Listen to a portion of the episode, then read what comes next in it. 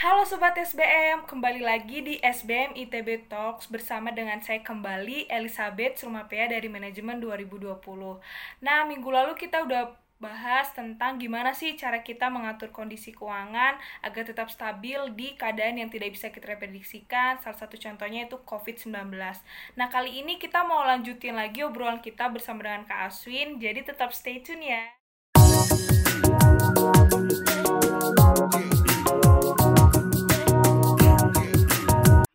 Aku ini uh, tahu ya mungkin karena belum bekerja. Tapi pengaruh covid ini tuh melatih empati sih kak. Jadi kayak ada positifnya juga untuk para pelajar tuh biar bisa ningkatin empati atau ya setidaknya minta duit dari orang tua tuh bisa lebih ya udah deh nanti aja. Kita pakai yang ada aja dulu. Karena kita misalnya tadi uang untuk tongkrongan tuh bisa ditabung gitu dan juga kayak misalnya uh, ya gitu tadi sih kak justru kayak lebih belajar untuk masak misalnya kayak aku nih kan gak ah, pulang hmm. gak pulang kan kak hmm. hmm.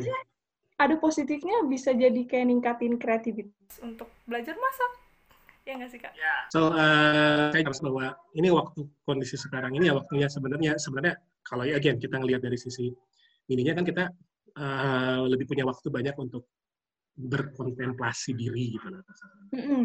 melihat ini gitu. Uh, saya juga nggak mau kalah sama kalian sekarang. Saya juga lagi ngambil course online.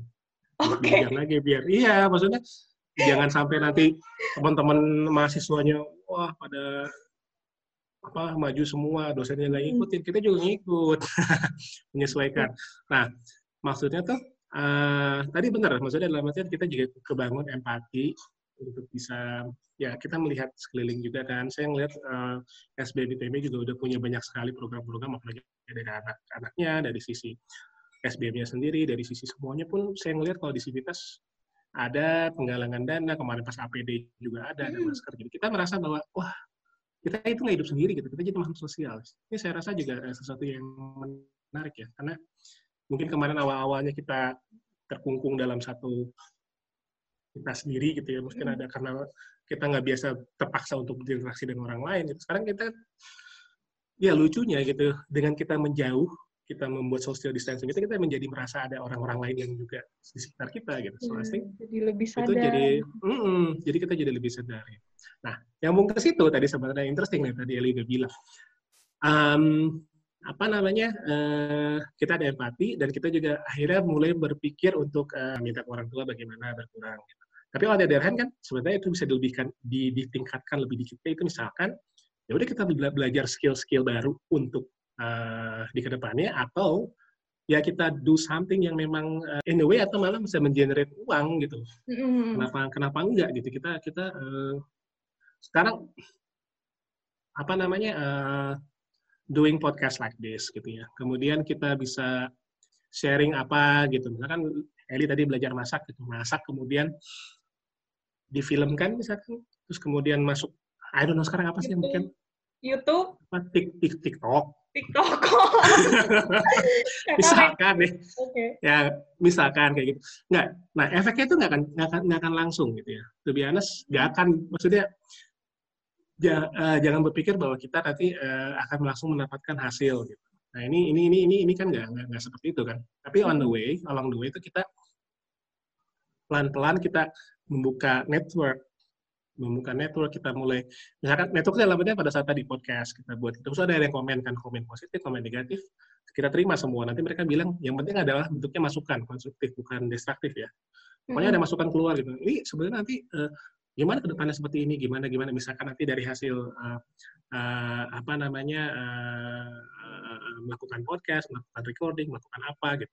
Nah tapi dari situ sebenarnya kita buka network kita buka channels. Dan uh, dari situ ada lama-lama orang oh iya iya gini gini gini gini gini yuk kita kolaborasi kita ngobrol oh nanti uh, ke depannya mm. seperti apa gitu so apa uh, potensi untuk koneksi dengan orang itu yang sebetulnya juga kita bisa coba tap in gitu. Sekarang pada saat teman-teman doing charity gitu ya, teman-teman buat apa penggalangan dana, penggalangan apa kan sebenarnya pada saat itu kita bekerja sama dengan orang lain.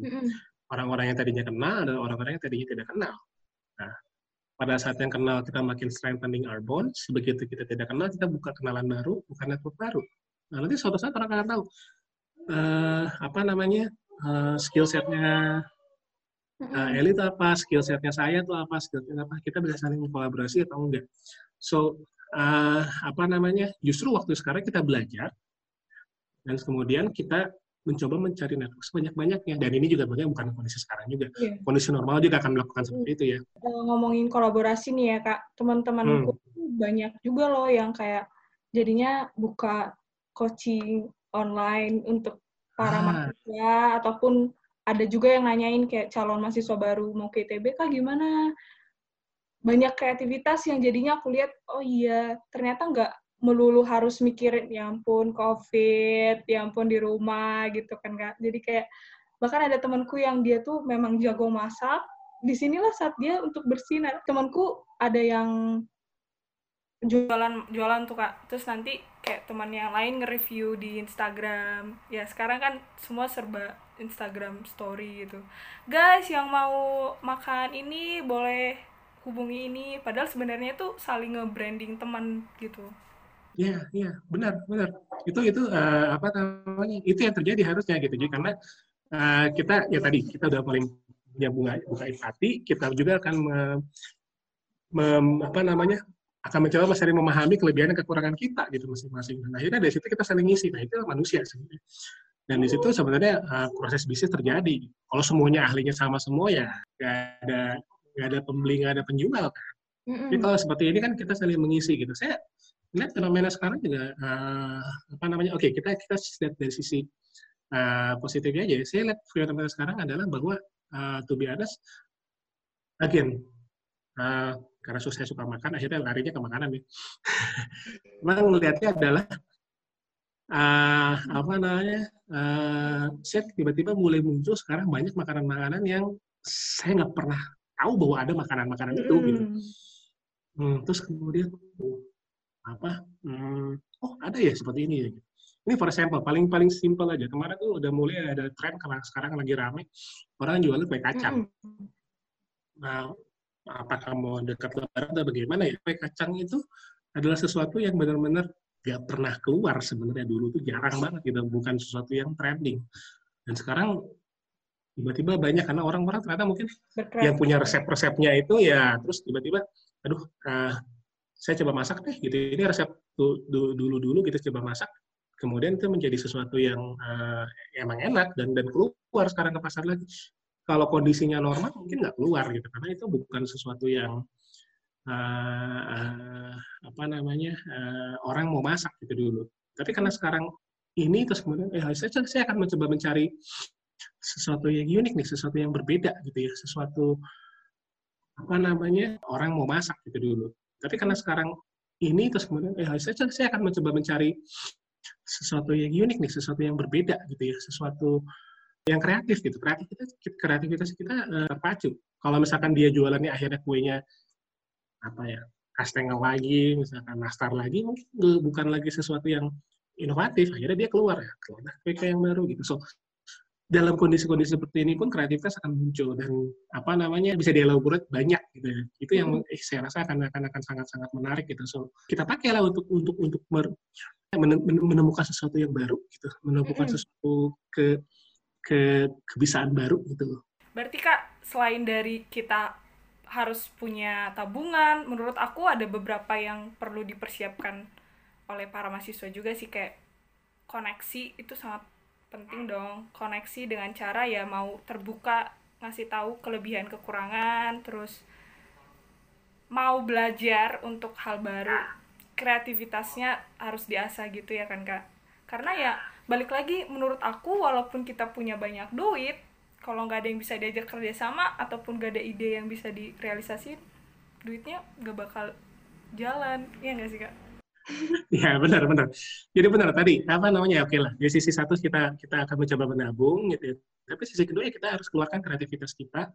Nah dari kreativitas kita atau misalkan kita kita dikontemplasi diri, memappingkan kita diri posisi kita kuatnya di mana, uh, kelemahannya di mana dan kita mencoba kolaborasi mencoba berkolaborasi dengan orang lain ini kesempatan sebenarnya pada saat kita kondisi segini tuh uh, semua orang akan membuka diri sebenarnya benar kalau ada uangnya doang kumpul doang terus uh, dia nggak tahu mau dijadiin apa ya uangnya jadi mengendap aja di di bawah hmm. bantal gitu rasanya tapi on the other hand uh, dia punya resource banyak keahlian banyak dia bisa macam-macam tapi dia tidak uh, punya modal awal gitu untuk melakukan sesuatu juga kan jadi tidak bisa apa-apa juga gitu. Nah ini waktunya kita untuk berkolaborasi, kita saling mengisi dan kita saling saling saling bekerja sama. Gitu. Good idea, benar setuju, saya setuju sekali itu. Berarti kak eh, investasi ataupun ngekip personal financial tuh gak melulu tentang uang doang dong? Hmm, jelas, betul. Kita uh, apa namanya tadi skills, kemudian tadi apa namanya network. Mm -hmm uh, even empati pun kata saya juga itu suatu suatu modal. Jadi segala macam yang kita rasa uh, apa namanya uh, uh, menjadi menjadi uh, sesuatu yang bisa kita kembangkan itu adalah faktor modal. Makanya tadi pas awal banget saya cerita kesehatan itu juga penting. Sehat itu modal sebenarnya.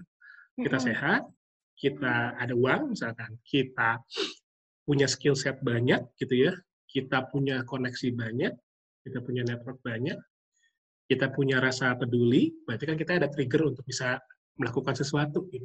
Mm-hmm. Itu semuanya modal gitu. Dan it's not all about always about money. Semuanya bisa dijadikan bisa dimonetize, bisa dijadikan uang sebenarnya. Tapi uh, again, kalau uang kita putar um, apa namanya gini.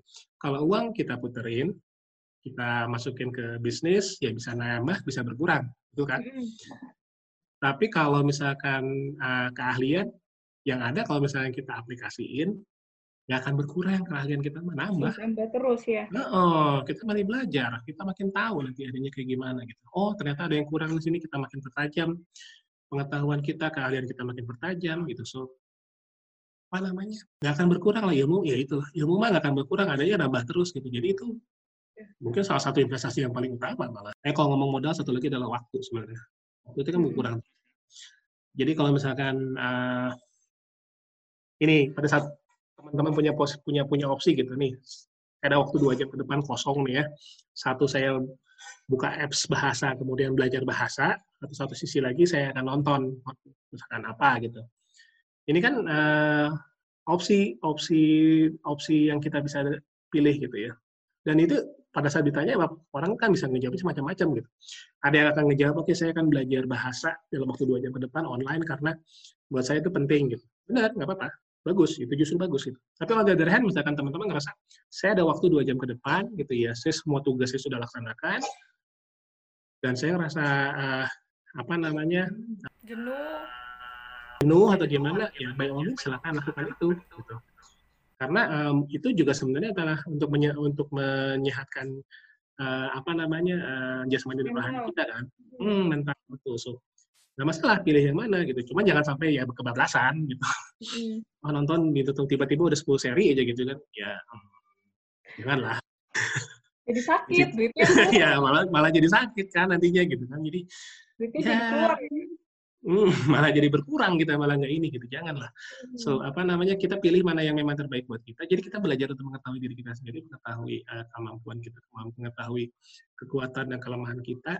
Dan di situ kita mencoba untuk me, menyesuaikan di situ. Tapi balik lagi nih kak ke masalah keuangan.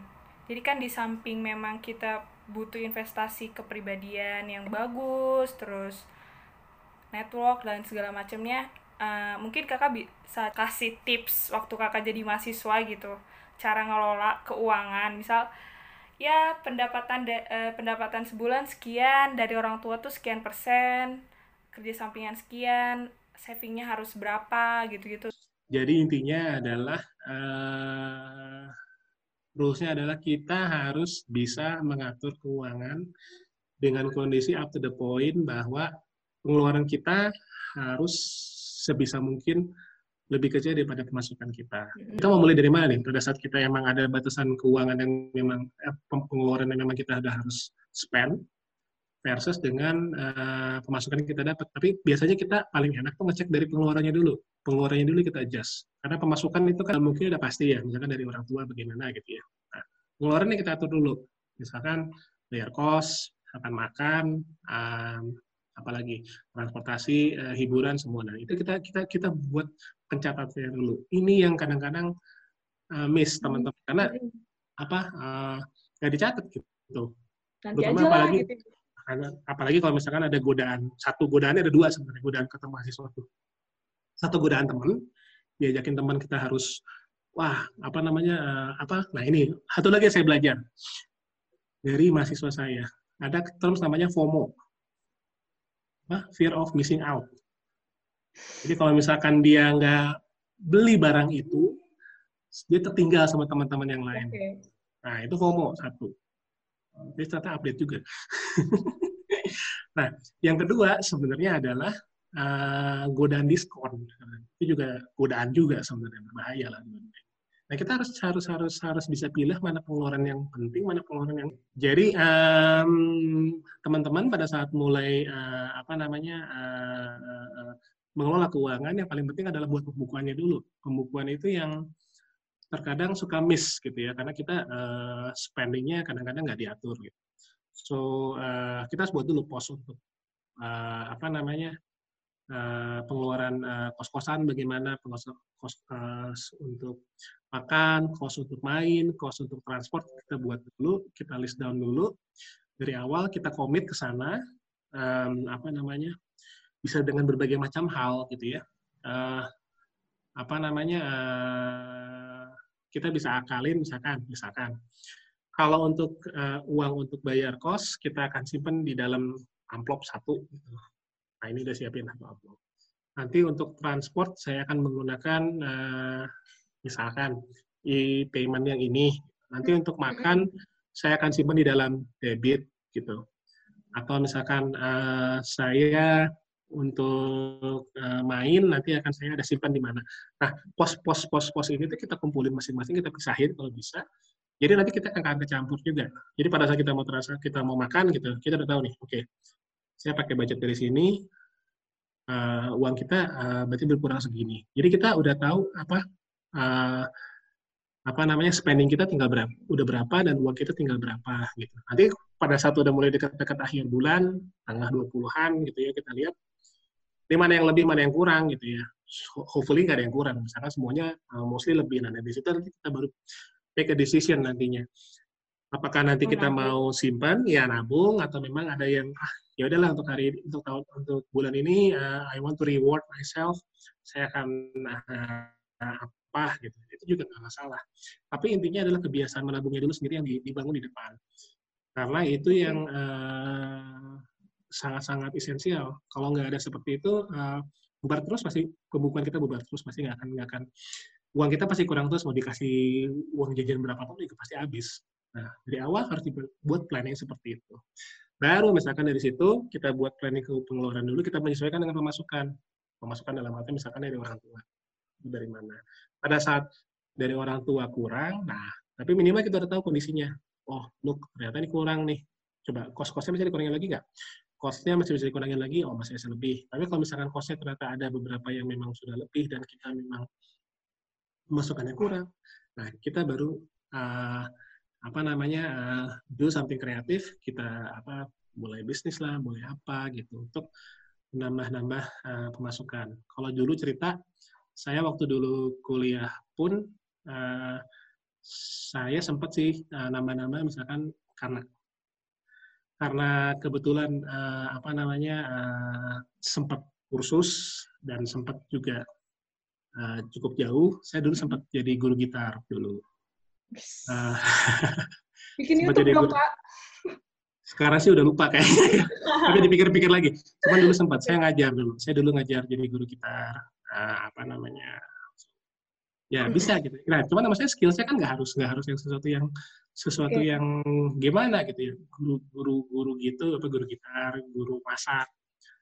Teman-teman bisa uh, buat desain yang bagus jual desain ini kenapa enggak gitu. Itu kan hal-hal yang sebenarnya uh, ya apa namanya tidak tidak perlu modal banyak. Berarti bisa disimpulin sebenarnya semuanya adalah kita harus berani menabung baik dari segi uang, kreativitas, terus belajar untuk bisa berkolaborasi segala macamnya gitu ya kak. Terima kasih banyak ya Kak Aswin. Sama-sama. Diskusi kita. ya, semoga bermanfaat dan dapat dimengerti dengan jelas serta diterapkan Amin. dengan baik. Amin. Terima kasih banyak ya Kak Aswin. Ya. Selamat bertemu di SBM ITB Talk berikutnya. SBM, SBM ITB, ITB for, for the greater, greater good. good. Sobat SBM, tidak terasa kita sudah di penghujung diskusi kali ini. Semoga diskusi kita tadi bermanfaat buat kita semua. Buat sobat SBM yang menyukai video kali ini, jangan lupa untuk like, comment, share, and subscribe akun YouTube SBM ITB ataupun Spotify SBM ITB supaya tidak ketinggalan notifikasi video bermanfaat lainnya. Saya Elizabeth Rumapea, pamit undur diri. See you again!